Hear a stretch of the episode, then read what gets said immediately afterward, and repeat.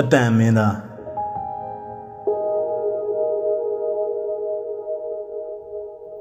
ဓာပြခဲ့ပြီးရင်အတန်နဲ့ပတ်သက်ပြီးအတွင်ကျဲဆုံးကတော့ကက်ဆက်တိတ်ခွေခစ်ပါပဲ C40 C60 C90 စသဖြင့်တိတ်ခွေမျိုးမျိုးရှိရမှာ C60 ကဈေးကွက်အဝင်ဆုံးပါ A site B site ရှိပြီးကြာချိန်မိနစ်60ရှိပါတယ်တိတ်ခွေနဲ့တေးသချင်းတွေ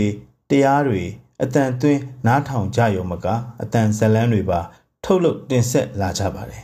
အလှူတွေမင်္ဂလာဆောင်တွေမှာဖွင့်တဲ့အတန်ချက်ဆက်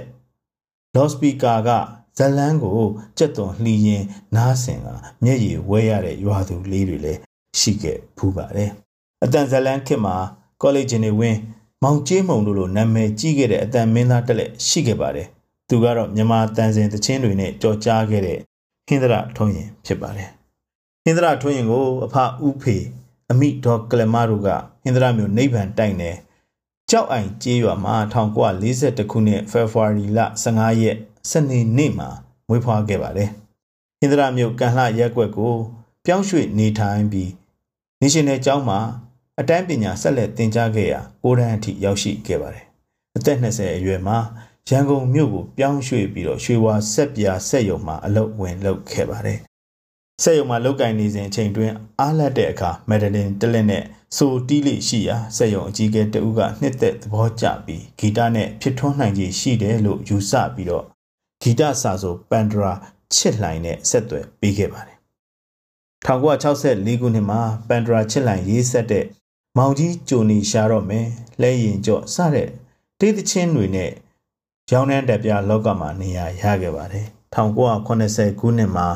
ဟင်္ဒရတေးအဖွဲ့ကိုတီထောင်ပြီးကိုယ်တိုင်တေးရေးတီဆိုခဲ့ရမှာမိသားစုကြောပွဲသချင်းနဲ့မြမအတန်မှာဓာတ်ပြားရခဲ့ပါတယ်1985ခုနှစ်မှာဂီတစာဆိုကိုခင်မောင်ဝင်းပြင်းမငုတ်တူရေးသားတဲ့ကက်ဆက်တိတ်ခွေဇလန်းတွေမှာအတန်မင်းသားအဖြစ်တရုပ်ဆောင်ခဲ့ရာတော်ရောမြို့ပါလူကြိုက်များခဲ့ပါတယ်ထင်ရှားတဲ့ဇလန်းတချို့ကတော့ပောက်ပင်ပါကြောင့်ကိုင်းရတယ်ဗျိုင်းနာလို့ကိုင်းရတယ်မုံချောင်းလေးချားနေတယ်လွမ်းတီပါ မောင်ဖေငယ်လိုအချစ်မျိုးဇွဲကပင်ရောက်ချစ်ဧည့်သည်ချစ်သောယာမညဧကရီမြစ်တာလှိုင်သောနေ့ချစ်တောင်မြုံချစ်ပုတ်ပါတို့ဖြစ်ပါတယ်ဂီတစာဆိုမောင်ကြီးမုံရေးသားတဲ့ဗိသနိုးတေးဆက်လန်းကိုလည်းမမအေးနဲ့တွဲဖက်တည်ဆိုခဲ့ပါတယ်အတွေ့အများဆုံးဖြစ်တဲ့အတန်မင်းသမီးကတော့ရုပ်ရှင်မင်းသမီးအကယ်ဒမီတင်တင်နှွဲ့မြတ်မြသွေးတို့နဲ့တင်တင်ထွေးတို့ဖြစ်ပါတယ်1983ခုဝန်းကျင်မှာနိုင်ငံကျော်ပြည်သူအဆိုတော် ဟင်္ဒရထွန်းရင်ဂီတကာပွဲသဘင်အမည်နဲ့ဇက်ထောင်ခဲ့ပါတယ်ဟင်္ဒရထွန်းရင်ဟာ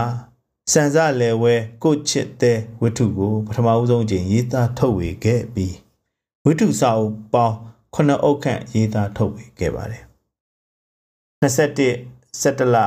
2016ခုနှစ်မှာအဆုတ်ယောဂနဲ့ကွယ်လွန်ခဲ့ပါတယ်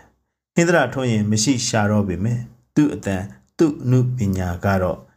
ကျေးလက်တော်ရွာ အများအပြားမှာထင်ဟပ်ကြံ့ရစ်နေသေးပါ